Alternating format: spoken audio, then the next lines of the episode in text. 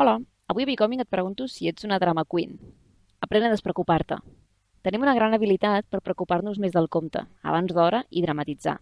Tot sembla una tragèdia o una possible tragèdia i ens entristim, ens angoixem, patim, ens, ens desanimem o ens enfadem. Però cal? Anem a posar un exemple. Imagina't que esperes una trucada d'un amic i no et truca. Segurament pensaràs que se n'ha oblidat, que ha passat de tu, o potser t'enfades amb ell. Però després l'endemà et truca i t'explica que se li va espatllar el telèfon i que per això no t'havia pogut trucar. Oi que després de saber això ja no estàs enfadat ni molest? És el mateix esdeveniment, el teu amic no t'ha no trucat. Però les teves creences, els teus pensaments, són diferents. I el fet de pensar diferent d'un mateix esdeveniment és el que ha fet que et preocupis o no, que t'enfadis o no. És el que ha canviat els teus pensaments i les emocions associades. Primer fet, els esdeveniments no et preocupen, són els teus pensaments. El que tu creus de les situacions que vius és el que fa que reaccionis positiu o negativament. I la majoria de les nostres creences que treballen automàticament al nostre cervell són creences irracionals que tenim implantades sense ser-ne conscients. Fes una prova. El proper cop que et molesti algun esdeveniment o fet, en comptes de centrar-te en el que t'ha causat les molèsties, mira de descobrir quina creença tens sobre aquest esdeveniment i avalua si és racional o no. Per exemple, és irracional si penses que si et deixa la teva parella no en tindràs cap altra mai més, o que si et quedes sense feina la teva carrera professional s'haurà acabat. Revisa les teves creences i canvia els teus pensaments. Si em deixa la meva parella, puc conèixer algú. Si ja ha passat un cop, pot tornar a passar. I si em quedo sense feina, em puc trobar una que m'agradi més, que s'adapti més al meu perfil, o em puc centrar a estudiar el màster que volia estudiar.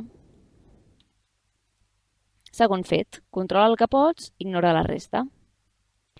Hi ha anomenada oració de serenitat, que diu el següent.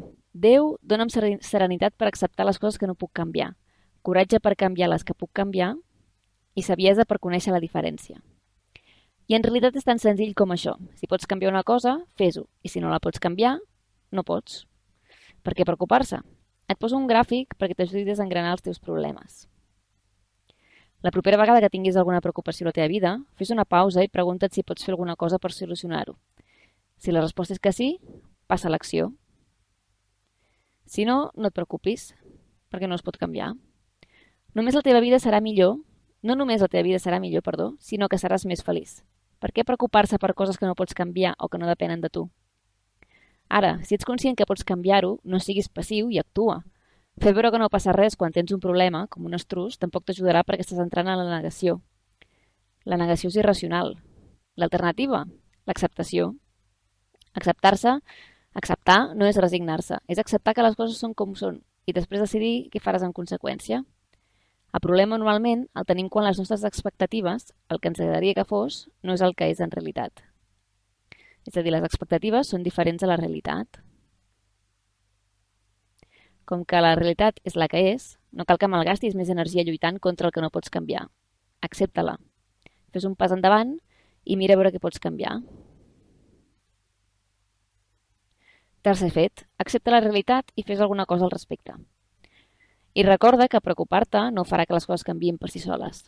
Trobaràs més informació a www.becoming.cat. Fins aviat!